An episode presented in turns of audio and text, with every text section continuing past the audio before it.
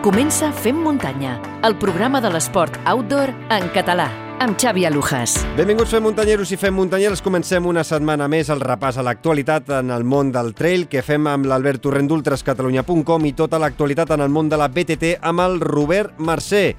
Hem viscut un cap de setmana molt intens i que hem gaudit d'allò més des de casa gràcies a la boníssima retransmissió que Evasió TV juntament amb Teleporte han fet d'aquesta Transgran Canària. Hem viscut una Transgran Canària que de seguida repassarem, però que ja us avanço que els esportistes catalans han fet uns grans resultats a la primera de les grans proves del calendari internacional. Avui sentirem les declaracions d'alguns dels protagonistes com l'Andreu Simón, la Clàudia Trems, en Pau Capell i la Núria Gil. I en el món de la BTT hem tingut competició internacional a Banyoles amb la Supercup Massi. Escoltarem protagonistes com la Halley Batten o en David Valero. Repassarem el que està donant de si l'Andalucía Bike Race i també donarem un cop d'ull a la Santa Vall. I molta atenció perquè tenim un pack de productes Buff que acabarem, repassarem d'aquí no res, amb el Robert Marcell que s'emportarà un mecenes del podcast, així que estigueu tots molt atents. Si voleu participar, com dèiem, als sortejos que fem d'inscripcions de material, Eh, I a més a més, i el que és més important, ens voleu donar el vostre suport econòmic al Fem Muntanya, us podeu convertir en Fem Muntanyeros Premium per només un euro amb 99 cèntims al mes a través de l'enllaç que teniu a les notes de tots els capítols del Fem Muntanya. L'altra manera d'ajudar-nos és comprant una camisa tècnica Flying Burrito, ja sigui per vosaltres o per algun amic o familiar.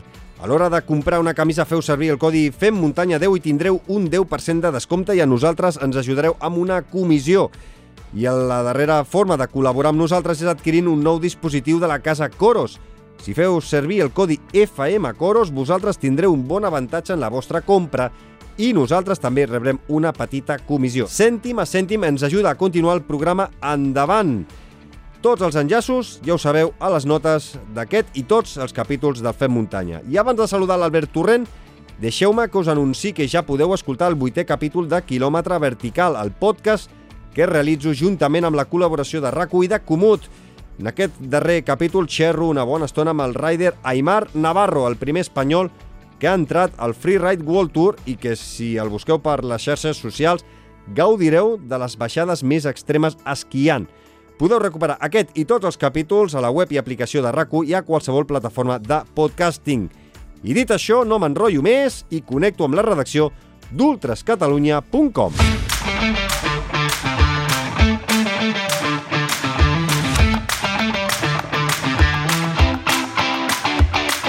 Doncs connectem amb la redacció d'ultrascatalunya.com i com sempre ja tenim a l'Albert Torrent. Hola Albert, com estàs? Hola Xavi, què tal? déu nhi quin cap de setmana tant a casa nostra com sobretot també a la illa de Gran Canària. Eh, ara en parlarem eh, perquè hi ha moltes cosetes que hem d'anar escoltant, eh, però primer de tot, com sempre, i és habitual aquí al Fem Muntanya en aquestes píndoles d'actualitat, hem de començar per estadístiques i hem de saber quants eh, corredors i corredores s'han posat un pitrai aquest passat cap de setmana. Doncs aquesta setmana han participat un total de 2.988 corredors, repartits entre 9 curses per muntanya, dels quals 2.177 van ser homes i 811 dones. La prova amb més participació va ser la Vallès Drag Race amb 1.218 corredors, eh, déu nhi Sí, sí, eh, èxit eh, un any més en aquesta cursa de, que surt de Terrassa. De Terrassa. Sí, sí, de Terrassa. Mm -hmm. La cocapital juntament amb Sabadell. Eh? Ah, això mateix.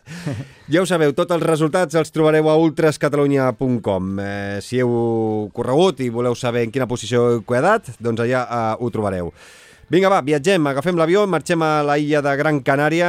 Primer de tot, deixa'm donar les gràcies per la gran feina d'Evasió TV juntament amb Teledeporte, perquè hem pogut gaudir d'unes imatges espectaculars, eh, retransmissió de 17 hores, eh, amb el, doncs, l'Albert Jorquera, el Mauri Pagliacci, eh, dissabte la Sara Alonso, divendres amb l'Albert, eh, hem vist uh -huh. imatges eh, brutals, eh, pujant el Roque Nublo, eh, durant hores i hores seguint els, eh, tots els corredors i corredores eh, amb les eh, bicis elèctriques espectacular. En qualitat... Sí, ens hi sumem, ens hi sumem, déu nhi va ser realment espectacular. I des d'aquí s'ha d'agrair. Ara sí, eh, anem a parlar del que és estrictament eh, esportiu i parlem per la, comencem per la Clàssic. Eh, són gairebé 130 quilòmetres on Andreu Simón i Courtney Dawalter eh, s'han imposat. Sí, el corredor català doncs, va donar un cot sobre la taula amb la millor actuació de la seva carrera esportiva, mentre que la nord-americana doncs, va guanyar de forma contundent i va ser setena de la General. A més, es converteix en la primera corredora de la història de la cursa en baixar de les 15 hores, déu nhi déu nhi com està la Courtney. I el que hem de fer ara és escoltar l'Andreu Simón, que en declaracions al Fer Muntanya ens explica com ha preparat aquesta Transgran Canària. Bé, doncs eh, super satisfet del resultat final. És una cursa que havia preparat a consciència, ja portava dos mesos entrenant específicament per a aquesta cursa eh, molt content de, de com va anar i d'haver poder, de poder guanyar-la. Em feia moltíssima il·lusió eh, i poder-la compartir doncs, amb, amb tots vosaltres i també doncs, sobretot amb la família que ha estat recolzant-me aquestes dures setmanes d'entrenament per arribar fins aquí. La cursa es va sortir a un ritme bastant ràpid, eh, érem un grup de, de diferents corredors que pràcticament fins al quilòmetre 60 ens anàvem intercanviant el lideratge de la prova va ser allà on vaig poder posar-me líder i, i marxar, però l última marató, eh, el segon corredor, el portuguès, eh, m'estava retallant cada un dels quilòmetres eh, i pràcticament fins l'últim quilòmetre no vaig tenir clar que, que guanyava. Eh, molt content de, de la gestió de la cursa i dels esforços, de, de no haver tirat la tovallola, perquè d'això es tracta també aquest tipus de cursa d'ultratrail, de tantes hores corrent es passa moments de tot, de, d'eufòria i, de, i de desgràcia, però bé, eh, ara gaudir de la, de la cursa i, i de tot el que ha de venir. I seguirem amb Clàudia Trems, que eh, va ser tercera darrere de Jasmine Lauder i repeteix la bona actuació del 2021 i 2022, on va quedar segona i tercera respectivament i la manresana Marta Moixí doncs, tancaria una magnífica actuació amb una onzena posició. La Clàudia Trems, que també pel Fem Muntanya ens narra com va viure aquesta tercera posició i deixa clar que seguir a la Courtney de Walter era bueno, gairebé impossible. Aquest cap de setmana la cursa no tenia una estratègia en clau de cursa, sí que sabia que si les coses havien anaven com havien d'anar seria impossible estar de cap de, de cursa femení, no? I que ja em suposava que la distància amb hores seria mm, gran, o sigui que no seria una distància de 20 minuts o de mitja hora.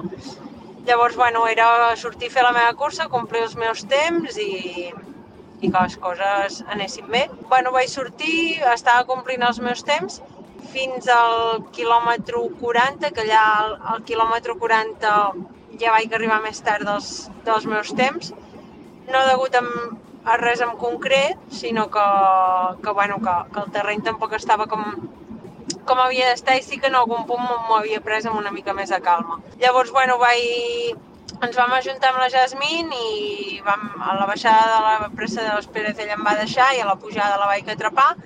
Vam fer la pujada juntes i a Artenara vam arribar pràcticament juntes. Llavors, bueno, jo sortint d'Artenara és on vaig agafar l'hipotèrmia fa dos anys i poder per això o per altres factors que no sé ni jo, doncs, bueno, se'm va començar com a fer bola aquell tros. Havia menjat bé Artenara, però tot el que em tocava menjar després no ho vaig poder menjar. Bueno, a Tejeda vaig arribar a força creuada i, bueno, a Tejeda no vaig dir res, a, a l'assistència, no? Em van treure el que no m'havia menjat de menjar, m'han ficat a menjar i vaig marxar.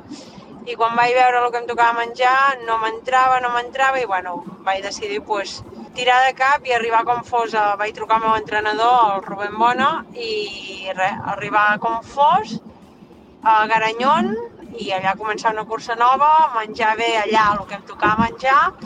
Després de Garanyon vaig intentar córrer quasi bé tot, tot el que podia córrer, i res, la veritat és que vaig acabar força sencera.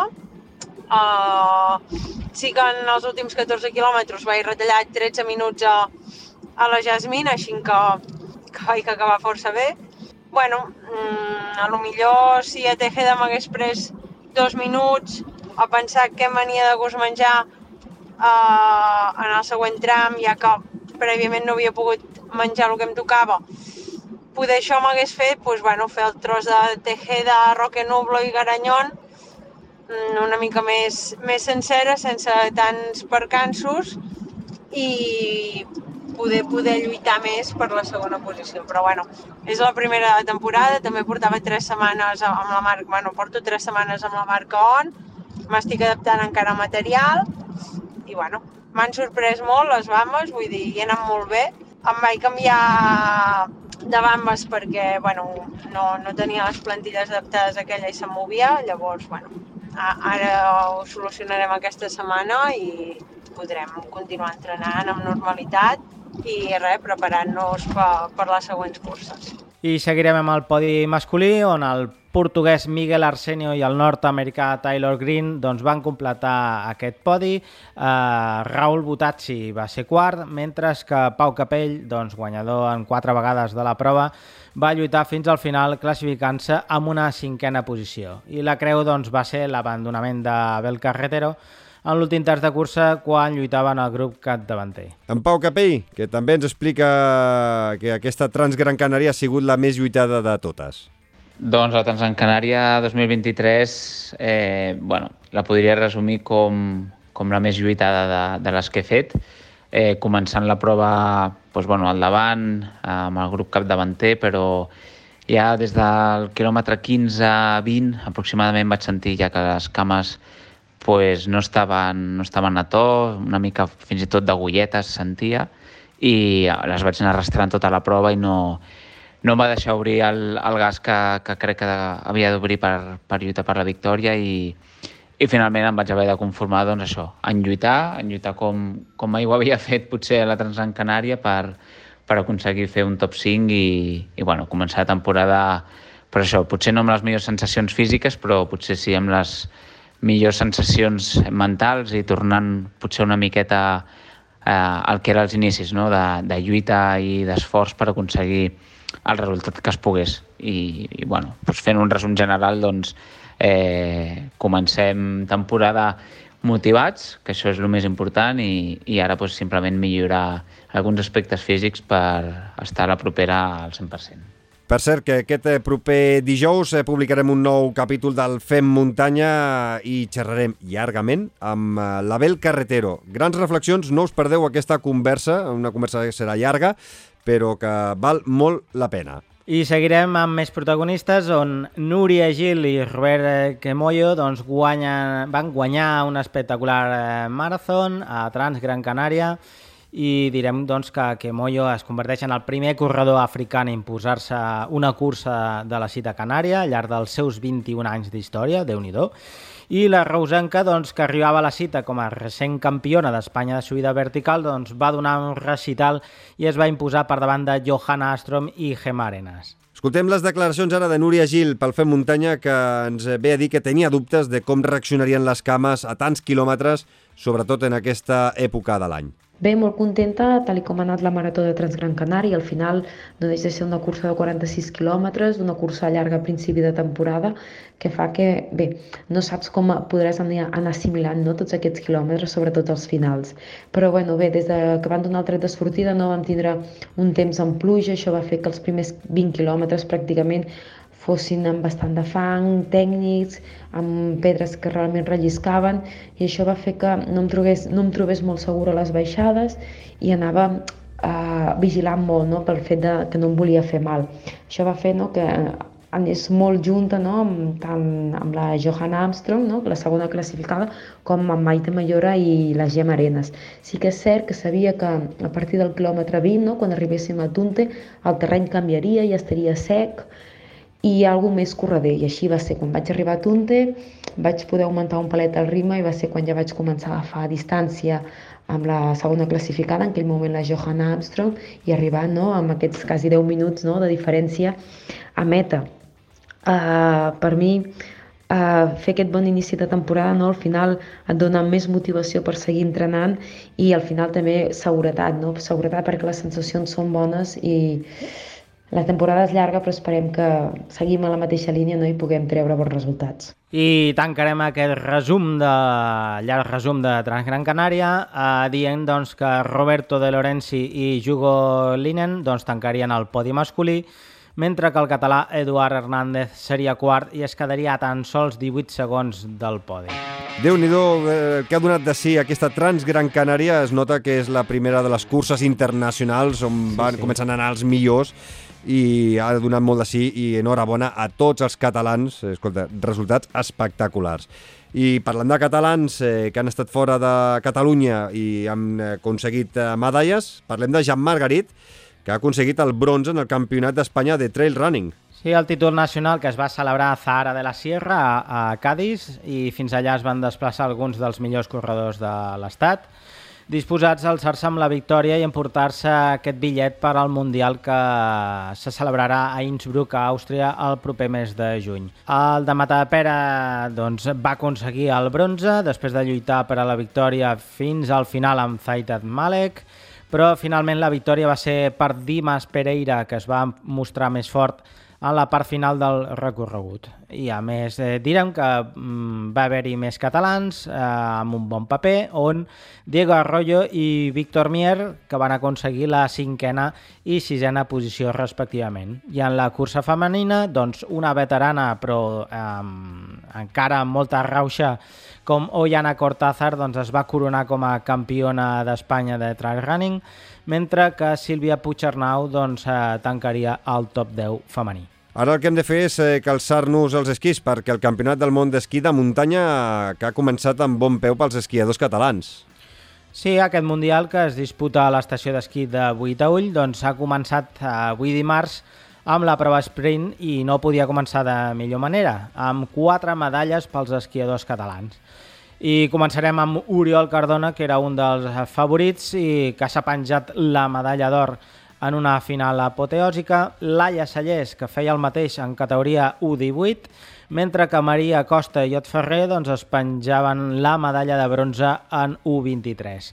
El programa seguirà demà dimecres amb la disputa a la modalitat vertical, dijous la cursa per equips, dissabte la prova individual i diumenge la cursa per relleus. Recordar que podeu veure la competició a través del canal Esport 3. Molt recomanable si us agrada aquestes aventures perquè és espectacular poder veure aquest Mundial eh, per Esports 3 i en directe. A I a casa nostra. I tant que sí, bona feina de la corporació. Uh, atenció amb aquesta, uh, ja ho vam anunciar que la Trail Callaràs uh, deixava d'organitzar la Class Mark, però no desapareix la cursa, sinó que es reinventa. Sí, com bé has dit, doncs fins ara estava organitzada per Clasmark i passa a ser gestionada per l'Ajuntament de la Pobla de Lillet.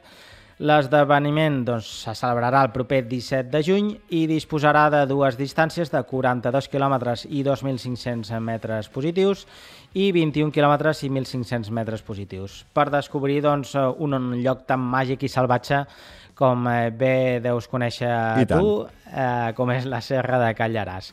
I també doncs, disposarà d'una cursa infantil pels més menuts de la casa. I estigueu molt atents eh, perquè ben, ben aviat, d'aquí pocs dies, eh, hi haurà obertura d'inscripcions. Així que guardeu-vos la data del 17 de, de juny perquè hi haurà festa grossa a la Pobla de Lillet Eh, com deies, eh, aquestes dues distàncies, la cursa infantil, hi haurà concert, i, eh, dissabte a la nit eh, hi haurà també menjar al carrer, mm, una autèntica festa de, del trail que estan organitzant des de la Pobla de Lillet. Dit això, eh, tenim notícies en format breu i hem d'anar fins a Prades, al Baix Camp. Sí, que demà arrencarà amb la Trailcat 200, eh, la cursa per muntanya més llarga de l'estat en 321 quilòmetres, déu nhi on hi prendran part doncs, un centenar de corredors de 14 nacionalitats, entre ells alguns dels millors especialistes d'aquestes mega ultras, com l'italià Luca Papi, el búlgar Piringalov, la francesa Claire Vanguard o la suïssa Anita Liman. També hi haurà dues proves més de 100 i 50 milles. Seguirem amb Pere Aurell, que va guanyar la carrera 4 refugios a Bariloche, l'Argentina, el català que ja va vèncer la primera edició en 2006, i va ser segon en 2020, doncs va tornar a coronar-se en una de les curses més tècniques de Sud-amèrica, la prova doncs, li va servir com a preparació de la seva participació a la Bariloche 100 del proper 18 de març. M'alegro molt pel Pere Aurell que per fi torni a trobar-se bé després d'aquesta llarga lesió que l'ha tingut gairebé un any eh, lluny de, de les competicions. I tancarem aquests breus doncs, amb Sergi Garcia, que canvia d'equip. El Cerdà, que fins ara estava a l'equip Otso, doncs fitxa per l'equip de Vibram. Mm -hmm. I ara, com sempre, hem d'acabar amb el calendari pel proper cap de setmana del 4 i 5 de març. Sí, aquest cap de setmana hi haurà fins a 9 curses al calendari català i començarem doncs, per aquesta Trail Cat 200 a Prades, al Baix Camp. Seguirem a Reus, al Baix Camp, també a la mitja marató rural a Castellnou de Seana, al Pla de l'Urgell, la cursa a l'Orelleta, a la Juncosa del Montmell, al Baix Penedès, la Fili Run, a Campins, al Vallès Oriental, la Massallada, a Castellà, al Vallès, al Vallès Occidental, a Corriols del Vallès, a Santa Maria d'Oló, al Moianès, la Salta Marrades, a Palafolls, al Maresme, al Trail Senyor del Castell. i tancarem amb el Gironès on es disputaran doncs, diverses curses de la Marató de les Vies Verdes. I com sempre us dic, eh, tot el calendari complet d'aquest proper i tota la resta de caps de setmana del 2023 els trobareu a ultrascatalunya.com. Eh, Albert, eh, sabem que aquest eh, cap de setmana estaràs seguint durant aquests eh, dies eh, la Trailcat 200. Sí, així demà que, marxem, sí, sí. Així que eh, vagi molt bé, et seguirem i, i així també ens tindràs eh, informats. Nosaltres eh, t'escoltarem eh, dilluns vinent aquí al Fem Muntanya. Cuida't, una abraçada, merci. Una abraçada, Xavi. Hola, sóc Josep Antoni Hermina i us dono pas a Fem Muntanya.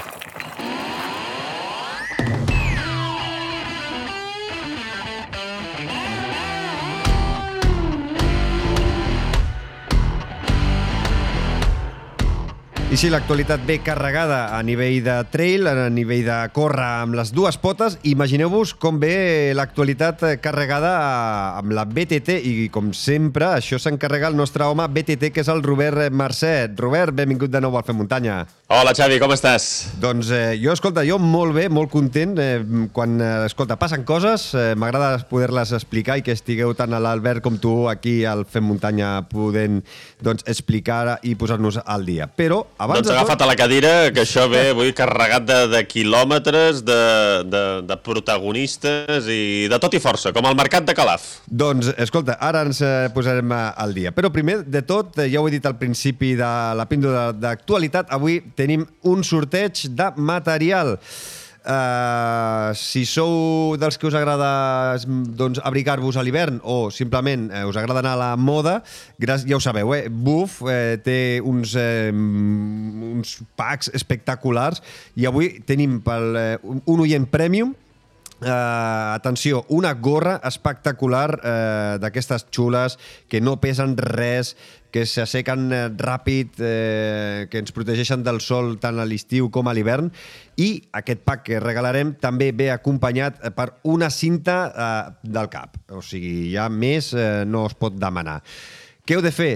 Doncs primer de tot, ser eh, Fem Muntanyeros Premium, eh, un mecenes del podcast. Eh, ho podeu fer a través de l'enllaç que teniu a tots els, eh, a tots els capítols, eh, a les notes de tots els capítols. Us feu mecenes eh, i tindreu l'opció de poder escoltar un àudio exclusiu només eh, per fer Muntanyeros Premium i allà us expliquem què és el que heu de fer. Gràcies a Buff, eh, tot fet a, a la seva fàbrica a Igualada, doncs gaudireu d'anar, tant si correu per la muntanya com si feu BTT, ben equipats. Ja ho sabeu.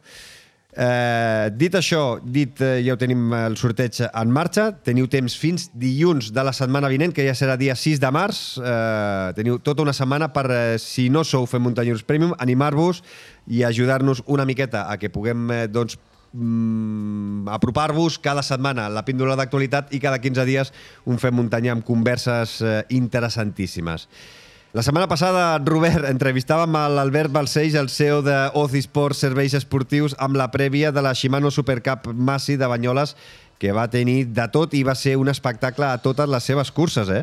Impressionant, Xavi, el que s'ha viscut el darrer cap de setmana a la Supercup Massi de Banyoles, a la Shimano Supercup Massi, 15.000 persones de públic, nivell de ciclistes pràcticament de Copa del Món, amb short track divendres, que van guanyar Loana Lecomte i el campió alemany Luca Schwarzbauer, a la cursa sub-23 triomf pel suís Luke Weisman i a la prova UCI Junior Sèries femenina, la catalana Marta Cano va aconseguir un triomf contundent. I diumenge, ai, diumenge, diumenge la cursa elit femenina amb la victòria de la Halle Baiten, que es va escapar ja la primera volta amb un circuit molt relliscós. Segona, l'austríaca Mona Mitterwallner i tercera, la bicampiona del món Evie Richards. Yeah, absolutely. I honestly, when I wake up to conditions like this, I get a little... Diu la guanyadora, la Halle Baiten, que al veure el temps al matí es va emocionar una mica, la pluja ella l'entusiasme per les condicions que genera, i al ser una cursa tan moguda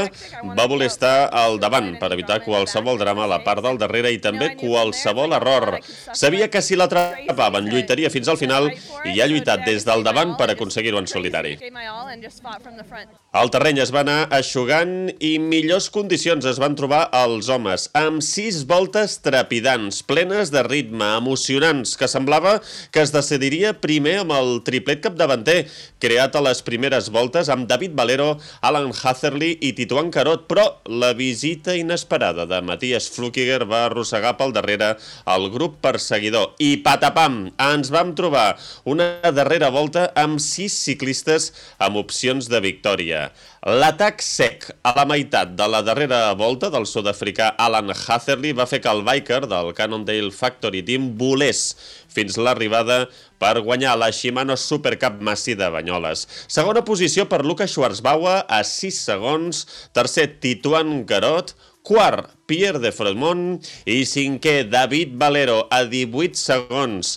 El de Baza, número 1 actual del rànquing UCI, explica en declaracions al Fem Muntanya com va viure al damunt de la bici una cursa que va intentar trencar en diferents moments entre els favorits. La verdad que fue una carrera muy apretada de principio a fin. Eh, el, al inicio, cuando vi que estaba en el grupo de cabeza y que no íbamos tres corredores, pues bueno, puse un poquito más de mi parte para, para intentar que, que no nos echara el segundo grupo encima e intentar repartirnos la victoria entre, entre los tres.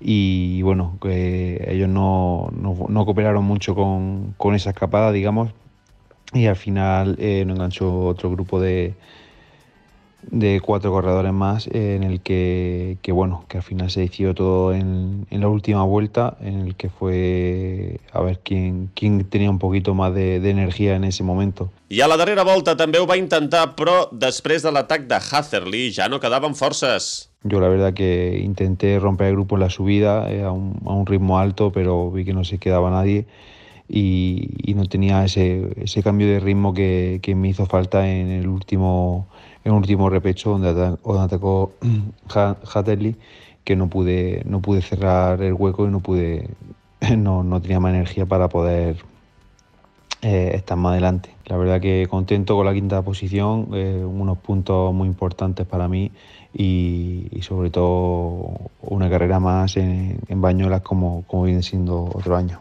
Va ser tan agònica la darrera volta que el ritme que va imprimir Alan Hatherley per guanyar va provocar un darrer gir 20 segons més ràpid que el millor temps anterior, una autèntica bogeria.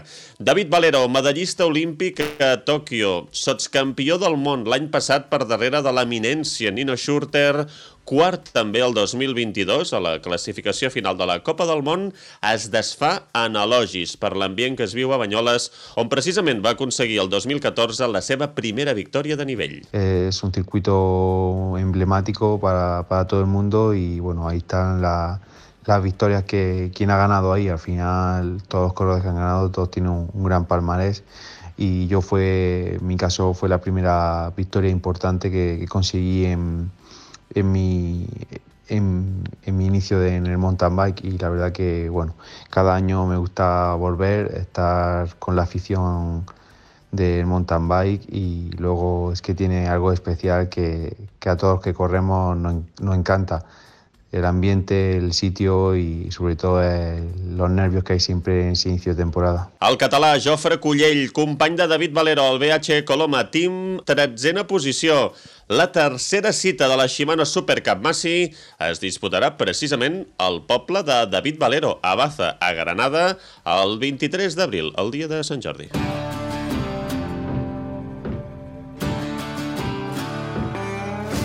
En marxa fins dissabte la tretzena edició de l'Andalucía Bike Race by Garmin, que, per cert, Robert, viuràs en directe al tram final de la prova. Sí, les dues darreres etapes estaré a Còrdoba, a peu del terreny, amb el micro del Fem Muntanya per acostar el so de la cursa i també entrevistes als protagonistes. Es tracta d'una prova UCI per parelles que finalitzarà dissabte a la capital cordobesa. Després de la primera de les sis etapes d'aquesta setmana, triomf català a la categoria femenina a Jaén. Txell Figueres amb Janina Gust, de l'equip Buf Megamo, han estat les guanyadores. Sentim la ciclista catalana a les entrevistes postmeta amb l'organització. Ha ido súper bien hoy, ha sido nuestra primera carrera juntas, nuestra primera carrera por parejas. Yo creo que hemos tenido muy buena comunicación junto a Janina. El recorrido ha sido, ha sido súper duro, pero también muy divertido. Hemos tenido una pequeña caída. Si ella cae, yo también. pues la subida nos hemos intentado hemos intentado mantener un ritmo que habíamos pactado, que era sin intentar pues sacarnos de punto y la bajada con flow e intentar hacerlo máximo mejor. Sabíamos que en la bajada era nuestro punto fuerte, así que hemos aprovechado todas las bajadas para sacar un poco más de distancia. I ara que són al podi amb el triomf a la primera etapa, doncs la seva idea és intentar mantenir-se, com tota la vida. Nuestro objetivo yo creo que es estar siempre en el podium, intentar ser regulares, no que no nos pase nada. Y pues si podemos ganar, perfecto, ¿no? Pero bueno, al final son muchos días, pu- pueden pasar muchas cosas y vamos día a día. A la categoria masculina, la primera etapa se l'han endut els polacs Mikel Paluta i Pavel Bernàs, segona posició per Francesco Faili i Riccardo Chiarini.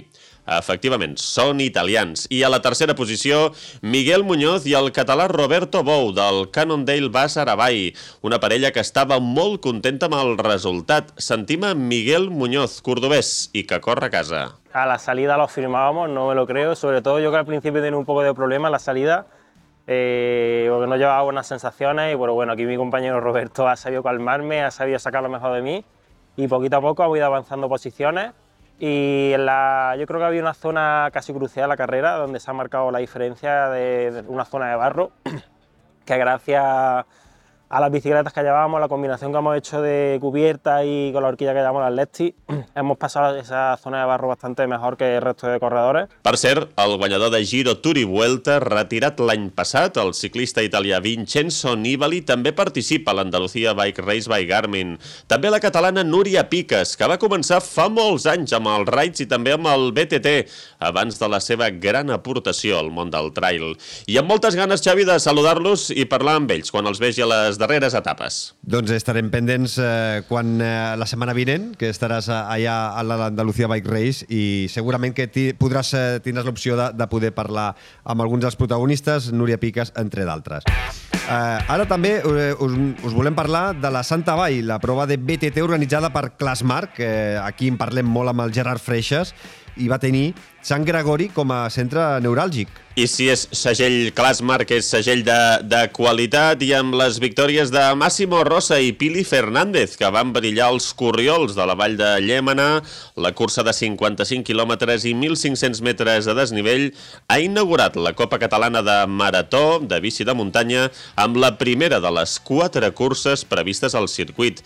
També hi ha hagut modalitat gravel, amb 107 quilòmetres i quasi 1.000 metres de desnivell positiu. El nord-americà Cole Payton i l'Alemanya venja Bets, els més ràpids a Sant Gregori, al costat de Girona. Doncs eh, espectacular eh, aquesta actualitat eh, que ens has portat i espectacular el sorteig eh, que recordeu que tenim d'un pack eh, buff eh, fet a Igualada, composat aquest pack per una gorra pack Speed eh, X-Cross, eh, una gorra xulíssima, i també un, una cinta del cabell, una Coolnet Headband, eh, que podreu veure també a la web de, de BUF. Aquestes eh, dues eh, peces eh, seran per un Fem Muntanyero o una Fem Muntanyera Premium que tindrà l'opció d'escoltar un, àudio, un àudio en exclusiva per vosaltres, els que ens doneu suport, i sabreu què és el que heu de fer eh, si voleu optar per aquest eh, magnífic pack BUF. Recordeu, teniu temps fins al dilluns de la setmana vinent, dilluns 6 de març, que és quan resoldrem el sorteig, també amb el Robert. I atenció, perquè potser no és l'únic sorteig que, que fem. Què m'estàs dient? No. Què m'estàs dient, Xavi? Potser no és l'únic, potser no és l'únic. Potser dilluns vinent tornem a Vols tenir... dir que potser en tenim un altre? Pot ser, pot ser. Així que, ah. així que més val que estiguin sempre pendents del Fem Muntanya. Aquí, escolta, intentem sempre tenir inscripcions i si podem tenir material, escolta, ja ho, ho acabem de tancar. És espectacular. Sí, sí, sí, sí, sí. Jo no puc dir res. Doncs, eh, Robert Mercè... Hasta aquí puedo leer. Hasta, hasta aquí, tanquem la paradeta, com diria... Gràcies, bona nit, eh, que diria el senyor Bax. Cuida't molt, Robert, ens escoltem dilluns. Una abraçada forta. Dilluns de la setmana vinent. Que passis una bona setmana Aquí. i que vagi molt bé a l'Andalucía Bike Race. Aquí estarem, vaig preparant ja les maletes i també els flamenquines i dieta lleugera per allà, per allà a l'Andalusia. Que bona falta fa, sempre, perquè si no ens passem sempre. Cuida't, una abraçada. Va, adeu. El Fem Muntanya, ja ho sabeu, tornarà eh, aquest eh, proper dijous amb converses super interessants. Atenció, tindrem una miqueta de Transgran Canària amb grans reflexions eh, d'un corredor, gran corredor de casa nostra. Això serà aquest proper dijous, així que estigueu atents i atentes.